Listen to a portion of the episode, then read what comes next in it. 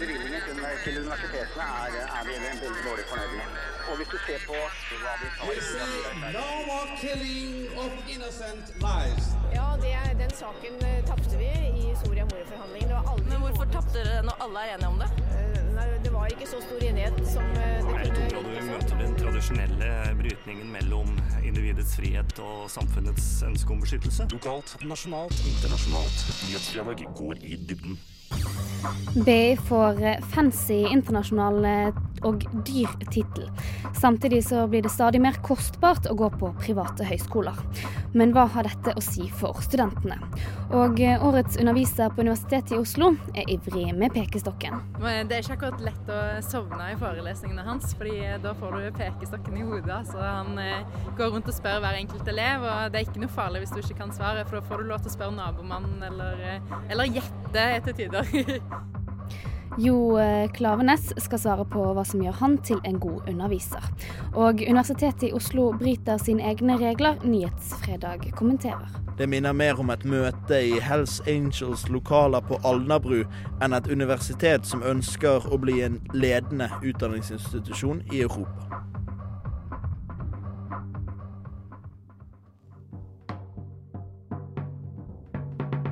Nyhetsfredag. Fredager klokken 11 på Radio Nova FM 99,3. Du hører på Nyhetsfredag, studentenes aktualitetsmagasin her på Radio Nova. Hvor du også skal få være med å brygge øl i de gamle Frydenlund-lokalene på Høgskolen i Oslo og Akershus. I studio sitter Marie Røsland. Handelshøyskolen BI er landets eneste handelshøyskole med den eh, famøse tittel Cripple Crown. Eh, Hva dette har å si for studentene på Handelshøyskolen, skal du få svar på om litt. Men først skal du få en eh, oppsummering av ukens viktigste studentnyheter ved Marte Stulen Aamodt. Nyhetsfredag gir deg ukas viktigste studentnyheter.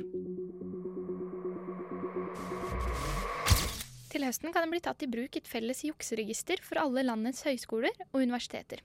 Registeret har navnet RUST, Register for utestengte studenter.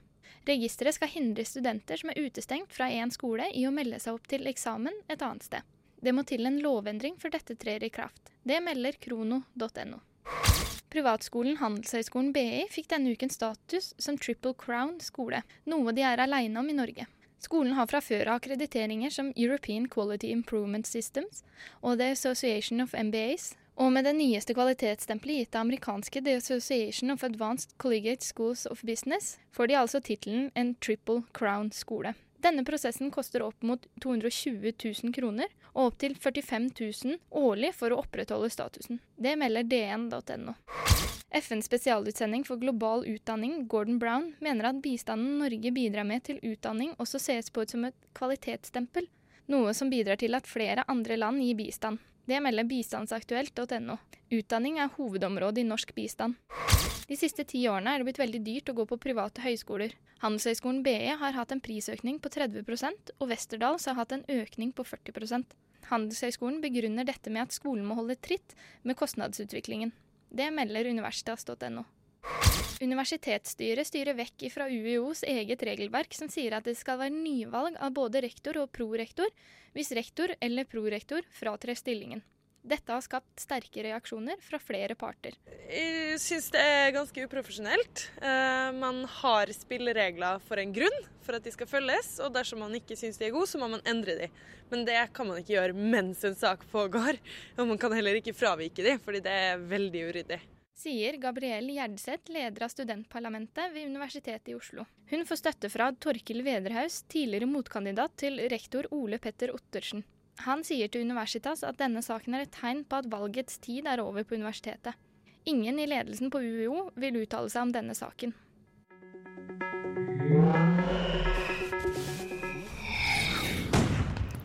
Du hører på eh, Nyhetsfredag her på Radio Nova. Mandag så ble det klart at eh, Handelshøyskolen BI får eh, status som en såkalt triple crown-skole. Det innebærer at eh, skolen har fått de tre mest anerkjente akkrediteringene en handelshøyskole kan få. Og de er, de den eneste handelshøyskolen i landet med denne tittelen, og en av rundt 70 i hele verden. Og denne søknadsprosessen eh, den koster mellom 100 og 220 000 kroner eh, og kan ta opptil seks år. Og i tillegg så koster det også eh, flere titalls tusen årlig å beholde akkrediteringen. Og Kasper Fagerstrøm, politikk- og samarbeidsansvarlig i SPIO, studentforening på BI. Hvorfor er det viktig da, eller nødvendig med en sånn type status som dette? Nei, altså Det sier jo noe om researchnivået research-nivået og eh, BIs internasjonale renommé. BI har jobbet med dette over flere år, og vi føler jo det på, på studentmessig at når studentene blir enda mer bevisst på, mer, på, måte bevisst på fremtiden, da, så føler vi at da kan det rettferdiggjøres at det koster litt mer, og at de jobber veldig hardt for disse akkrediteringene, fordi det går Det skal i hvert fall gå til studentenes favør, da. Så vi støtter jo opp om denne jobbing mot disse akkrediteringene. For det sier jo da at BI er en god skole, og det vil også være positivt for oss når vi skal søke oss jobb i utlandet eller i Norge generelt. da. Men hva mer sier det om at BI er en god skole? Altså, eh, du sier det skal gå til studentenes favør. På hvilken måte? Nei, altså når det, det at du får disse akkrediteringene, sier jo noe om, eh, om research-nivået på BI. Og det er sånn at Man får ikke akkrediteringene bare fordi at man er veldig god, med, god venn med de som sitter i disse akkrediteringsbyråene. Det er jo rett og slett at research-nivået er veldig bra. og Uh, det betyr jo da at lærerne er bra, og det er jo noe som går positivt utover oss. For har vi gode lærere, så blir vi også bedre på det vi skal holde på med. Som i siste instans da vil mest sannsynlig føre til at vi får en bedre jobb. Så alt i alt så mener jeg at disse akkrediteringene kan eh, rettferdiggjøres, basert på det faktum at det er lærerne som står for mye av fundamentet for disse akkrediterings som blir gitt til BI, og da syns jeg det, det går ut til oss på en positiv måte, da. Men hvorfor er det så viktig med dette renommeet, da? Men det er jo det at hvordan skal man ellers hevde seg, da? Fordi at det er jo såpass det er jo en bransje som er veldig sånn basert på disse akkrediteringene. og Har man ingen akkrediteringer, så er det vanskelig å rettferdiggjøre det man holder på med. Uh, og det er også det at BI tar jo skolepenger, så på en måte hvis de hadde vært på nivå med de aller dårligste skolene i, i Norge, så hadde man på en måte ikke kunnet rettferdiggjøre at det man tok skolepenger. Men det faktum at man har disse akkrediteringene og at man fokuserer så hardt på research, er jo noe som gjør at man føler at da er, da er det noe ekstra da, ved å, ved å betale skolepenger når man går på BI, fordi at de har faktisk ganske mange akkrediteringer som er blant toppsjiktet i verden. da. Men eh, altså er det liksom nødvendig å altså, vise et samsvar mellom eh, akkrediteringer, eh, dyre akkrediteringer og uh, studiekvalitet? Ja, det er jo det som eh, Hvis du har lest kriteriene for hvordan man får disse akkrediteringene, så sier jo det veldig klart at disse akkrediteringene sier noe om eh, researchnivået på en skole. Med researchnivå så mener du Nei, At lærerne tar det med publiseringer, at de, driver, at de har nok erfaring fra arbeidslivet kriteriene sånn. Jeg nok kjenner ikke jeg disse kriteriene inngående, men jeg har lest meg litt opp på det tidligere. Uh, og det er veldig få skoler i verden som har det, og de få skolene som har det, er også de som er best i verden. Uh, så det må jo si noe om research-nivået. Og så kan man jo diskutere da, om man er opptatt av at en skole skal ha det eller ikke. da. Personlig så mener jeg at man skal ha det, og at man skal trakte etter det. da. Så ledelsen har hatt støtte student, blant studentmassen for å søke disse akkrediteringene? Ja fordi at vi mener at det går til vårt favør, og det sier noe om, om BI sitt mer generelt. Og hvis BI blir bedre, så betyr det at våre muligheter også blir bedre. Men samtidig som dere fikk den, eh, eller BI fikk den eh, tittel på mandag, så eh, kom Universitas ut denne uken med tall på at det stadig blir dyrere å gå på private høyskoler, og da blir det bl.a. trukket inn BI. Og er det da et samsvar med at man skal bruke um, penger på fancy akkrediteringer, samtidig som at uh, du og dine medstudenter må sitte med et stadig større lån?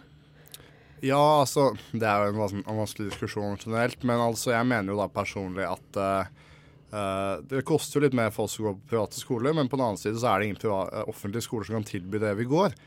og da er på en måte en diskusjon bare sånn ja, dessverre må vi betale mer, men hadde vi tatt samme utdannelse i utlandet, så måtte vi betalt tilsvarende. Så man kan jo diskutere på mange forskjellige kanter, men jeg mener personlig at så fremt det ikke finnes et bedre offentlig tilbud, så må vi ta til takke med det vi har i private den private industrien, og det syns jeg faktisk kan rettferdiggjøres. Og så kan man diskutere nivået på selve, selve semesterpengene og alt det der. At kanskje er litt for høyt eller kanskje litt for lavt eller hva som helst. Eh, men foreløpig så syns jeg at det kan rettferdiggjøres, da. Til tross for at vi kan at vi betaler litt mer enn offentlige studenter. Så du eh, føler at eh, det er greit å sitte med et eh, svært studielån når du kan gå på en skole med en triple crown-status?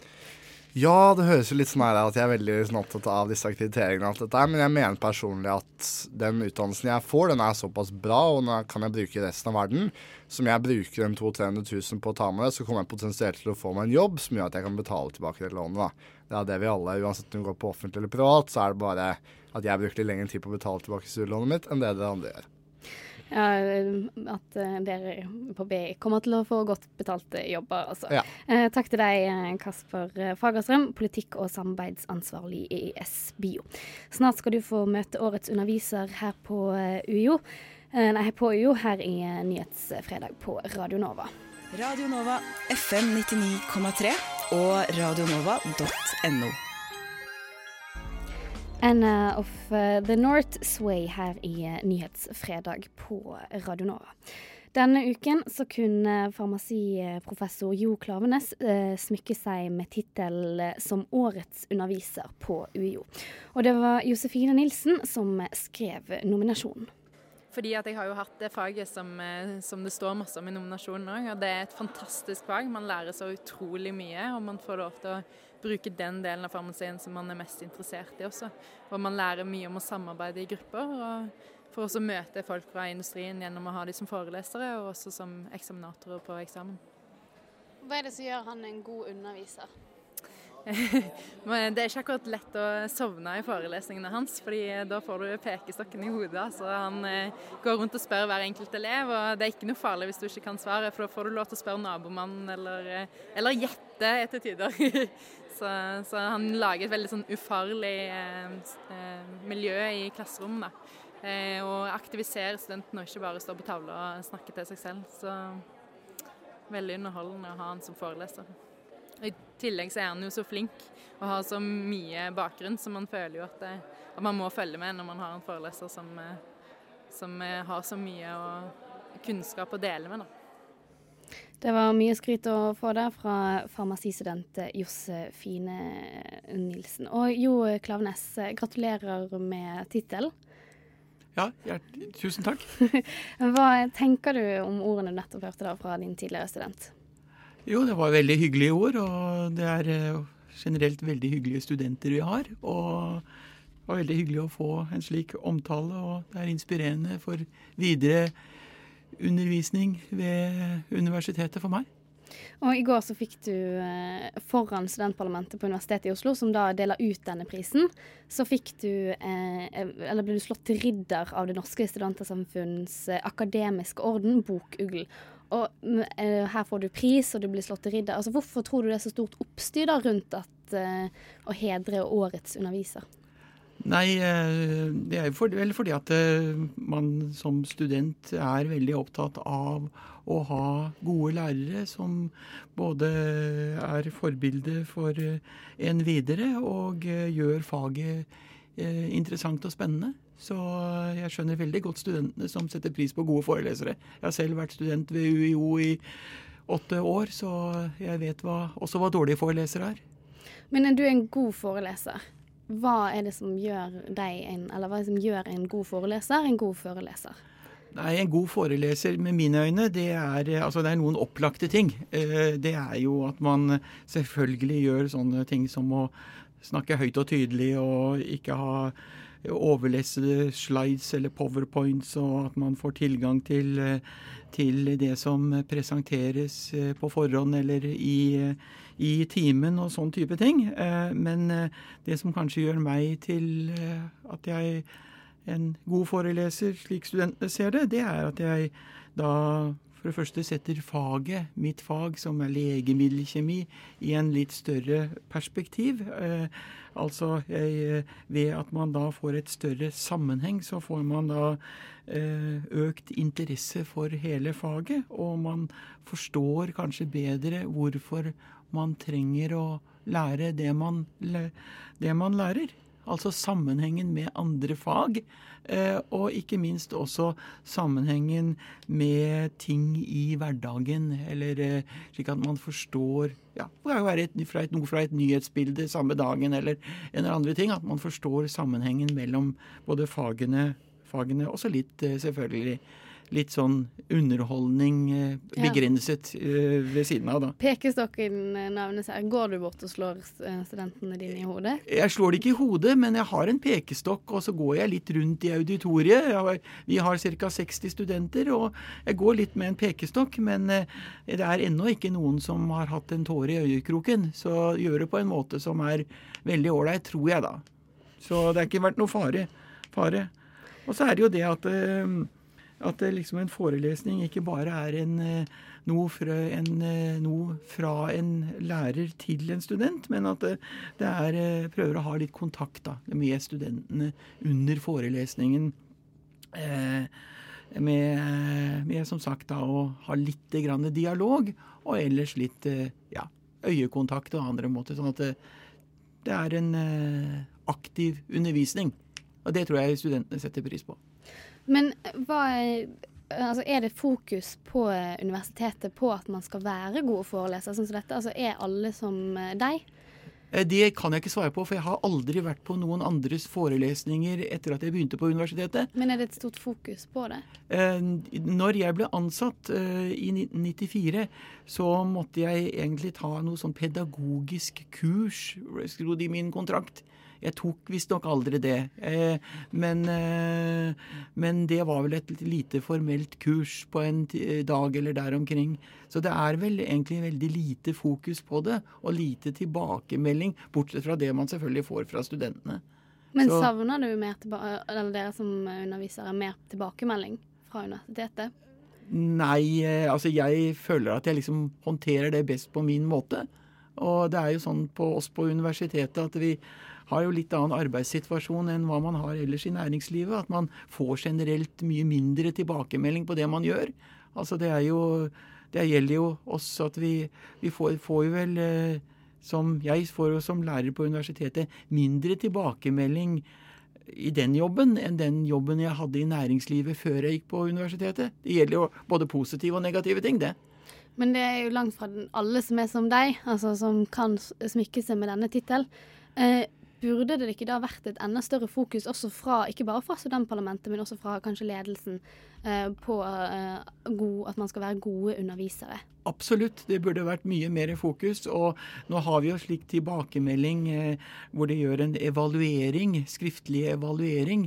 Men eh, den eh, mit, min, eh, min Slik jeg ser på det, så er det veldig lite Det skjer veldig lite. Det, studentene melder noe tilbake eh, i et eh, spørreskjema annethvert år, tredje hvert år, eller hva det er, på, på et kurs. Men det kommer da det, de, Jeg tror ikke de blir fulgt opp av ledelsen så veldig mye. Eh, men nå har jeg aldri vært i ledelsen på universitetet, så jeg vet jo ikke akkurat det. Men, og jeg har aldri hatt noen problemer med undervisningen. Men jeg tror tilbakemeldingen til studentene fra studentene eh, fungerer bra. Men så tror jeg kanskje at eh, oppfølgingen videre til de problemene som måtte være, den kanskje ikke er Den kunne blitt bedre. Det tror jeg. Du er i hvert fall eh, årets eh, underviser på Universitetet i eh, Oslo. Takk, til, takk for at du kom i Nyhetsfredag, Jo Klave Næss. Nyhetsfredag. Går i dybden. Universitetet i Oslo har brutt eh, sine egne regler og sliter nå med integriteten sin. Dette mener eh, Adrian Nyhammer Olsen, nyhetsredaktør i Radionova, som har kommentert eh, universitetsstyret beslutninger rundt ansettelsen av en ny prorektor.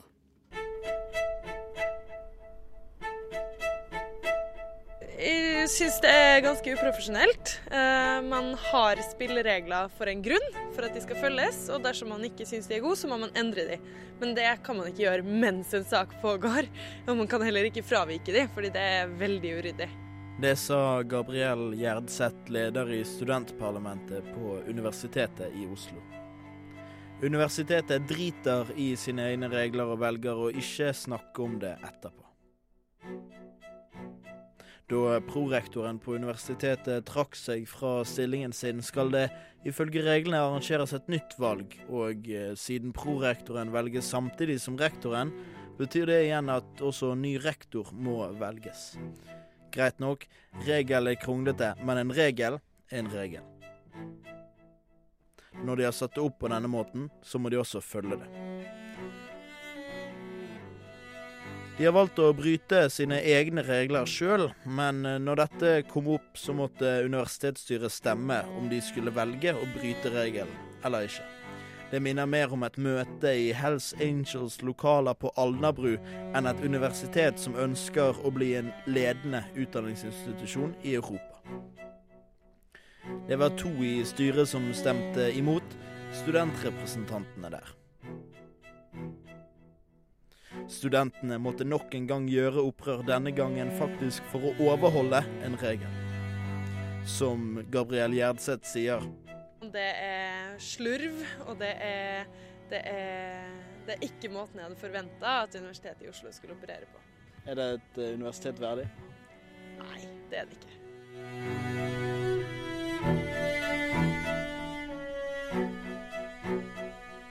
Da Radionova kontaktet denne ene studentrepresentanten, sa hun at hun måtte passe seg for hvor mye hun mente om en sak som er ferdigbehandlet av styret. Vi ringte også til ledelsen på universitetet, som sa at vi måtte snakke med valgstyret. Lederen i dette valgstyret igjen sa at han ikke ville møte studentene til noe debatt. Gabriel Gjerdseth, som er alle studentenes leder på Universitetet i Oslo, torde å stå opp og kritiserte universitetet i onsdagens emneknagg. Når universitetet begår et regelbrudd sånn som dette her, og studentene ikke blir hørt, og man er livredd for å snakke om hva som har skjedd i ettertid, er det lite integritet igjen å hente hos de som sitter i universitetsstyret. Det var eh, altså nyhetsredaktør Adrian Nyhammer Olsen som sparket eh, mot eh, universitetsledelsen. Om litt så skal du få møte UiO-studentenes eh, neste leder her i eh, Nyhetsfredag på Radio Nova. Radio Nova. Midnatt eh, med hester her i Nyhetsfredag på Radio Nova. Jeg skal være en tydelig og handlekraftig leder som skal sørge for at studentpolitikk blir synlig, og at vi får gjennomslag. Jeg vil ta med meg studentenes erfaringer og ideer inn i dette universitetsstyret. Kjære studentparlament. Pippi Langstrømpe sa en gang til Tommy og Annika at du ville ut og kjøpe seg et piano. Så vil jeg si at jeg vil være en tydelig og klar stemme for alle studentene ved Universitetet i Oslo. Godt valg.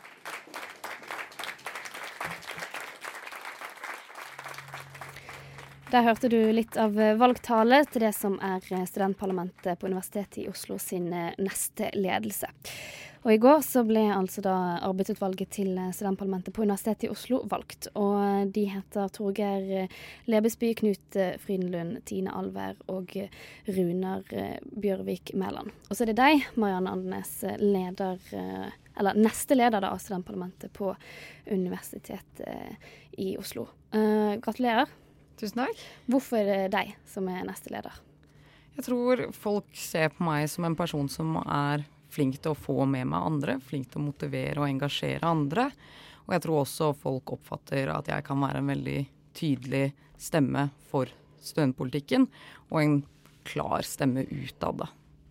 Nå skal jo du ha studentparlamentet i ryggen, men når du påtrer da 1. juli, hva er det du skal ta fatt på da? Altså Først så har man jo en overlappsperiode, og jeg tror mye av det man starter med, blir jo hva som skal skje ved studiestart. Eh, og der tror jeg det er mange tiltak man kan gjøre for å prøve å være synlig eh, rundt fadderukene f.eks. Så det dreier seg om å øke bevisstheten til studentene om dere, da? Ja, der tror jeg studentpolitikken har en utfordring. At man kanskje blir en liten boble for seg selv, og at man eh, må jobbe enda mer med å være synlig. Og da tror jeg at det er helt naturlig at man er synlige ved studiestart når det er mange studenter og det er mange arrangementer, og der har man da gode muligheter til å vise seg frem, da.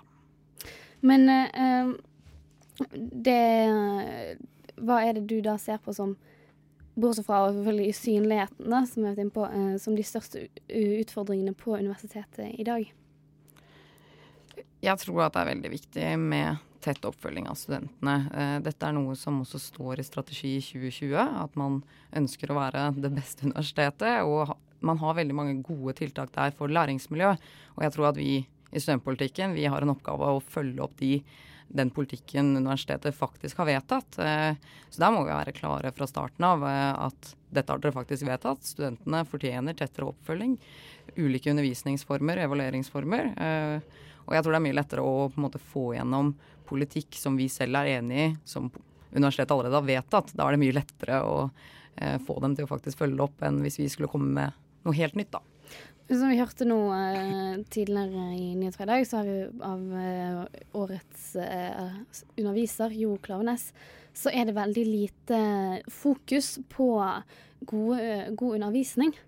Hvordan kan f.eks. dere da gjøre noe med dette, bortsett fra å dele ut en pris, da, selvfølgelig? Ja, den prisen er jo en, en, en, kjempefin mulighet til å gi oppmerksomhet til de som måtte virkelig gjøre noe ekstra. Men jeg tror at man burde øke tilskuddet til FUP. Det er de som driver med pedagogisk opplæring av de vitenskapelige ansatte. Jeg tror at man også må bevisstgjøre forelesere på bruk av digitale læringsmidler. Jeg tror at eh, hvis de får litt opplæring i hvordan man skal bruke podkast eller streaming eller andre ting, hvis de rett og slett får litt opplæring, så tror jeg at det gjør at de blir litt mer selvsikre på bruken, og da får man kanskje en mer variert undervisningsform da, og det tror jeg er utelukkende positivt. Men er det dere eller ledelsen på Jo som skal eh, være ansvarlig for dette? Selvfølgelig så må ledelsen eh, følge opp det de selv har vedtatt, det, det er åpenbart. Eh, men jeg tror at vi som studentpolitikere har på en måte en rolle som litt vaktbikkjer, og at vi må følge med på at eh, de faktisk følger opp det de har vedtatt. Og så må vi også komme med gode innspill på hvordan ting kan gjøres bedre. Eh, vi kan ikke bare sitte og klage, det syns jeg blir helt feil. Vi må komme med konkrete og gode forslag. Uh, om ett år så er du avtroppende, uh, mest sannsynlig. Hva, hva, vil se annerledes ut da? Da håper jeg at For vei-programmet er innført ved alle fakulteter. Sånn at For vei-programmet? Ja, det har jeg snakket litt om før. Og det, det er rett og slett tettere oppfølging av førsteårsstudenter. Det er noe man har på Matnat, og det har fungert veldig bra. Det har gjort at man har hindret frafall. Eh, så jeg tror at hvis vi får det inn, det er en stor mulighet. Det kan være at det skjer allerede ved budsjettmøtet nå i juni. Eh, og jeg håper også at eh, jeg kan være da et kjent fjes, at folk vet hvem jeg er. At folk har fått med seg litt mer om studentpolitikk. Det overordnede målet er jo, at enhver student vet at det finnes et studentparlament, og at at uh, man også klarer å få skape litt uh, engasjement også utenfor studentpolitikken. At man kanskje klarer å engasjere studentutvalgene til å komme med forslag. Det, det, tror, jeg, det tror, jeg, vi kan klare nå med den nye nyoppretta stillingen som informasjonsansvarlig. Ja, eh, om du blir et kjent eh, ansikt, er vanskelig å svare på nå. Men det var altså stemmen til Marianne, Marianne Andenes. Eh, nestleder av studentparlamentet på Universitetet i Oslo. Du hører på Nyhetsfredag her på Radionova FM 99,3. Nyhetsfredag. Fredager klokken 11 på Radio Nova FM 99,3. Alice in Wonderland, I Want You her i Nyhetsfredag på Radio Nova. Høgskolen i Oslo og Akershus har lenge vært minstebror, og det er helt klart når det kommer til foreningskultur. Men siden jul så har det kommet 15 nye foreninger på høyskolen. Og i går så var det oppstart av Bryggeforeningen Studentfryd i de gamle lokalene til Frydenlund Bryggeriet.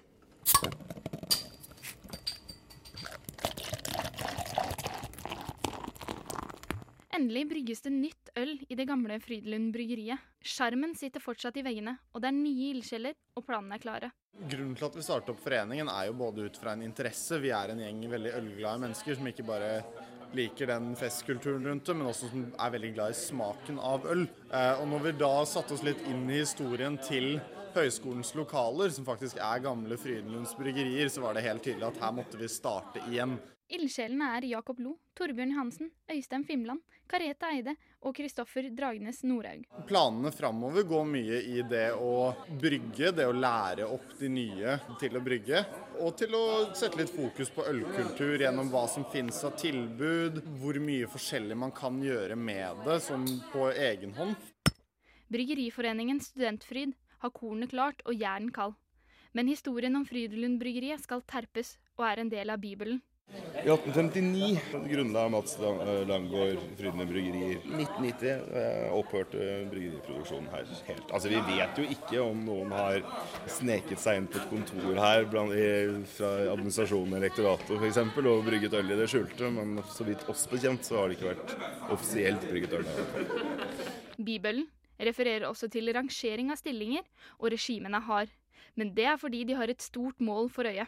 Og så har vi jo selvfølgelig et håp eh, og en plan om å etter hvert få solgt ølen vår til studentpuben på Samfunnet Bislett. da.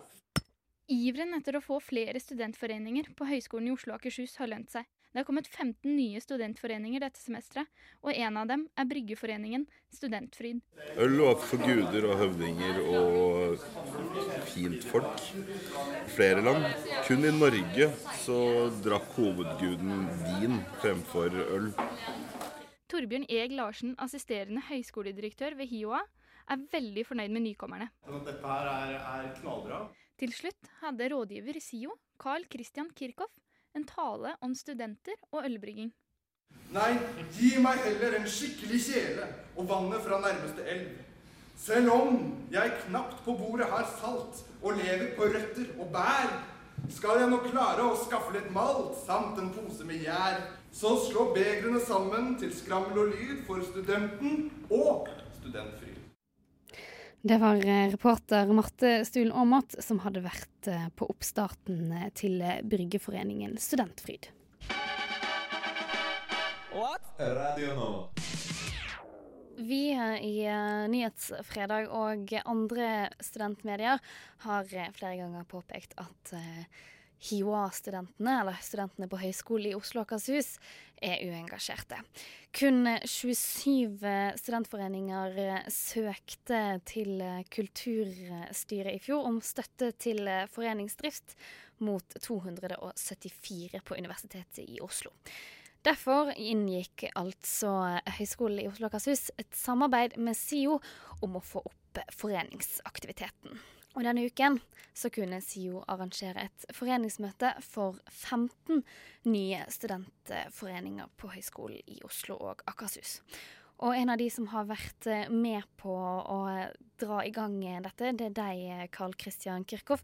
Du er rådgiver i SIO. Og kan ikke du først fortelle oss litt om hva denne Operasjon HiOA har gått ut på? Ja, Operasjon HiOA har uh, gått ut på å uh, ja, bruke ressursene som finnes i SIO-foreninger til å gjøre et, et begrenset inngrep i 2014 i foreningsmiljøet på, på Høgskolen i Oslo og Akershus. Og det, vil, det vil si at vi har gått rundt, kartlagt miljøer, hjulpet noen av dem til å danne foreninger, og også hjulpet disse foreningene til å komme seg på beina. Så vi har på en måte prøvd å søke ut de engasjerte, interesserte personene som har lyst til å gjøre foreninger ut av et allerede engasjert miljø, og hjulpet de med det. Og så har det da kommet 15 nye foreninger siden dette samarbeidet mellom SIO og HiOA ble startet opp før jul. Og hva sier dette? 15 nye foreninger. Er det mye, lite? Det er mye. Det er, det er det er nær en dobling faktisk av, av det vi hadde av registrerte, eller ikke har registrert med, men praktisk eksisterende foreninger. Uh, så, og, og, ikke sant, flere av de har jo potensial til å bli relativt store. Noen av de har allerede kommet godt i gang, andre trenger mer tid på seg. Men vi håper jo at dette skal gi et substansielt løft da, til studentaktiviteten på høyskolen. Hva slags studentforeninger er det snakk om? Det er veldig mye linjeforeninger. Som er foreninger knyttet til et spesifikt studium. Eh, altså sånn Fysioterapi har fått sin egen linjeforening. Eh, produktdesign har fått sin egen linjeforening. Og det har vi stort sett eh, sett er den mest fleksible foreningsformen, som gjør at de kan ta tak i de tingene de selv er mest interessert i, om det er å lage fest, om det er å lage konsert, om det er å lage debatter eller faglige arrangementer, så er det på en måte foreningsformen, det å være en linjeforening, det mest fleksible til å til enhver tid kunne tilpasses hva styret har lyst til å gjøre. Så, så det er på en måte det, den foreningsformen vi ser flest av. Men eh, um, 15 eh, nye studentforeninger, altså det er en, eh, nesten en eh, dobling, som du sier. Men kan, det, um, kan man si at foreningskulturen på HiOA er blitt bedret i forhold til det den var? Er blitt? Er blitt bedret? Ja, det syns jeg man kan si. Den er blitt større, og det er en god ting. Og det vi aller mest håper, er jo at den er blitt mer robust. Altså, alle disse 15 foreningene, så er det litt sannsynlig at alle kommer til å overleve. Men dersom det finnes en base, en kultur, en, en, en større andel foreninger rundt deg, så er det lettere når du har lyst til å starte en ny eller prøve å komme i gang. Det er jo det som skjer ved f.eks. BI og Universitetet i Oslo, at man har en sterk foreningskultur fra frøra, Og da er det lettere for engasjerte folk å komme i gang og starte en forening. Dersom det derimot ikke finnes noe sånn som tilfelle eh, Altså det var noe, men dersom det er lite, sånn som det var på høyskolen, så, så er det vanskeligere å på en måte kanalisere den typen engasjement. Så, så foreningskulturen i kraft av at det er flere der, eh, det er bedre. Og i tillegg så er vi nå inne i fase tre av Operasjon HiOA, hvor vi skal forankre dette her både blant de nyoppstartede foreningene eh, og også i høyskoleadministrasjonen. Men du, du nevner eh, BI og UiO. selv med 15 nye foreninger, så er jo HiOA eh, en eh, lillebror. Hva er målet eh, for dere da, og for HiOA? Nei, målet var 15 nye, så det har vi jo nådd. Eh, og det vil si at eh, nå har omtrent 10 000 av, eh, av høyskolestudentene en, en eh, forening som er umiddelbar nærhet, da, som de kan bli en del av hvis de har lyst til. Eh, det neste målet der, det siste målet, er å sørge for at eh, administrasjonen på høyskolen eh, blir lært opp og til dels får, får, får informasjon om de foreningsmiljøene som finner seg. de lærer seg å bruke det. For det er på en måte det siste steget at, at høyskolen selv også lærer seg å ta vare på disse foreningsmiljøene som finnes. Eh, Sånn som f.eks. man klarer på, på Matnatt, hvor det er nært samarbeid mellom, eh, mellom foreningslivet og fakultetet. og Det gir jo nettopp den fruktbare eh, effekten også for, eh, for de faglige eh, prioriteringene, gjennom at man kan ha sant, forskningsformidling gjennom foreningene, at foreningene bidrar til å eh, sikre bedre gjennomstrømning, sikre at folk er mer fornøyde med studiet sitt osv. Så, videre, så, videre. så det er på en måte den siste delen som vi er eh, inne i nå. Men helt til eh, slutt. eh, dere fikk, eh, eller SIO eh, og høyskolen også for så vidt, fikk litt kritikk eh, eh, da dette prosjektet, eller denne operasjonen startet opp. eh, nettopp fordi engasjement da ikke burde brukes penger på å læres opp. Men eh, kan ikke du eh, til slutt fortelle hvorfor det er viktig, da? Eller hvorfor dere ser viktigheten av eh, studentforeninger? Uh, ja, nei, det, det er viktig av flere grunner. Det er viktig for det psykososiale miljøet. Det forebygger ting som f.eks. ensomhet. Det gjør folk i stand til å komme i kontakt med andre typer fagmiljøer enn den de selv går på. Det er tryggere. Det er eh, også bra for gjennomstrømningen på studiet. Det er eh, også en eh, fin måte for folk å lære lederegenskaper, økonomisk eh, håndtering, PR, altså ting som ikke ligger i selve studiet, men som kan være nyttig senere i arbeidslivet. Altså, Smørbrødlista er så stor at det ikke er mulig for meg å få ramset opp eh, alt som eh, ligger i det å være en eh, del av en forening, men, eh, men vi har tallene på som viser at, at dette her eh, løfter eh, både studiemiljøet og det sosiale miljøet såpass mye at den lille investeringen det er verdt å ta et par kaffe og få noen til å danne en forening, det syns vi i SIVA at det er verdt å gjøre. 15 nye studentforeninger på Høgskolen i Oslo Akershus, altså, som skal eh, bidra både til eh, faglig og sosialt miljø. Takk til deg, Karl Kristian Kirchhoff, eh, rådgiver i eh, SIO. Radio Nova. Popular Part 1, du i Sinatra her i Nyhetsfredag på Radio Nova. Og eh, som alltid så skal du få eh, vår redaktør Erlend Buflaten sine meninger. Denne uken så har han sett eh, både utover og innover når han kommenterer mediebransjens utfordringer. Den kommende avisdøden har vi nå snakka om i flere år, og det siste året har selv NRK sett seg nødt til å kutte og kutte og kutte i stillinger i nyhetsavdelinga. Ja, det er harde tider i mediebransjen i Norge. Til tross for opplagsfall i de fleste mediehus ligger ikke avisen på dødsleiet enda. Vi er ekstremt glad i avisa som fysisk medie, og det kommer til å ta lang tid før vi legger den fra oss for godt, til fordel for et nettbrett i fanget. Det er ikke opplagsfallet som vil styre avisene mot stupet, men det er annonsører som velger andre kanaler for å nå ut med sine budskap.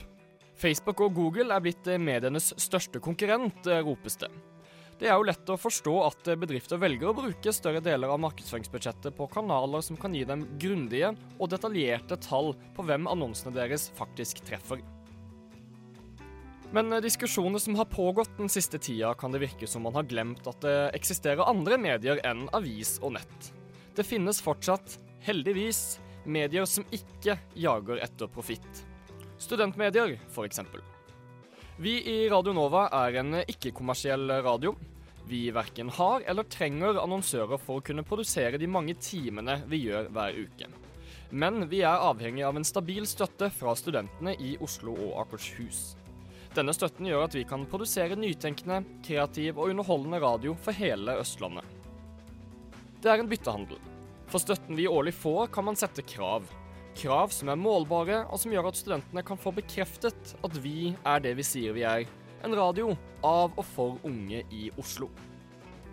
Det er trist å høre at våre venner i Universitas merker nedgangen i annonsemarkedet i så stor grad som de gjør. Å slippe til annonsører som bryter med deres prinsipper og idealer, er ikke noe jeg ønsker for noen redaktører. Det skaper også konflikt med brukerne, som føler at avisa selger seg. Nettopp det var tema i onsdagens Emneknaggen. For at avisa skal ut, må annonsører inn. På spørsmål om hvilke annonsører de ikke vil godta i avisa, sa debattredaktør i Universitas Thea Elnan på Twitter. Akkurat nå har vi nærmest ingen grenser fordi vi er så avhengig av inntektene. En økonomi fra helvete. Ja, selv studentavisene merker presset i markedet. Men hvor står radioen i alt dette snakket om avisene? Radioen står sterkt i Norge. Norsk mediebarometer for 2013 viser at 59 av Norges befolkning hører på radio i løpet av et døgn. 51% leser en avis. Radioene har sett endringer i markedet og har lenge jobbet med å tilpasse seg den fortsatt økende internetthverdagen. På våre nettsider kan du nå lett trykke deg inn på Radio Novas nettspiller, hvor du hører akkurat det samme som du gjør på lufta. Lite sjenerende spiller den så lenge du ønsker, og den gjør det gratis. Terskelen er lav for å trykke seg inn, men den er også lav for å skru av eller bytte kanal. Som radio konkurrerer vi like mye med andre radiokanaler som vi gjør med oppmerksomheten til lytteren. Radio er et sekundærmedie, men vi skal ikke hvile på den betegnelsen av den grunn. Lyttere forventer å bli tatt på alvor, men de vil gjerne holde på med noe annet samtidig. Hva gjør man da for å tilfredsstille lytteren? Vi har valgt å se i oss selv. Hva ville vi selv ha hørt på? Unge og engasjerte og jævlig kravstore, det er det vi er, og det er det som skal speile innholdet på kanalen. Det er det som skal holde oss aktuelle og nytenkende framover, og det er der Radio Nova står i 2014. Unge, engasjerte og jævlig nyskapende, det var ordene til vår redaktør Erlend Buflaten, som kommenterte mediebransjen og Radio Novas rolle i den. Du kan lese denne igjen på våre nettsider radionova.no. Han fikk som alltid siste ordet her i Nyhetsfredag, og du hører som alltid oss i Studentnyhetene igjen på onsdag, da i debattprogrammet Emneknaggen. Men Studentnyhetene de kan du alltid finne på Soundcloud, Facebook og Twitter. Bidragsytere til denne sendingen har vært Adrian Nyhammer Olsen og Marte Stulen Aamodt. Tekniker og superhelt heter Anders Tviberg. Mitt navn det er Marie Røsland.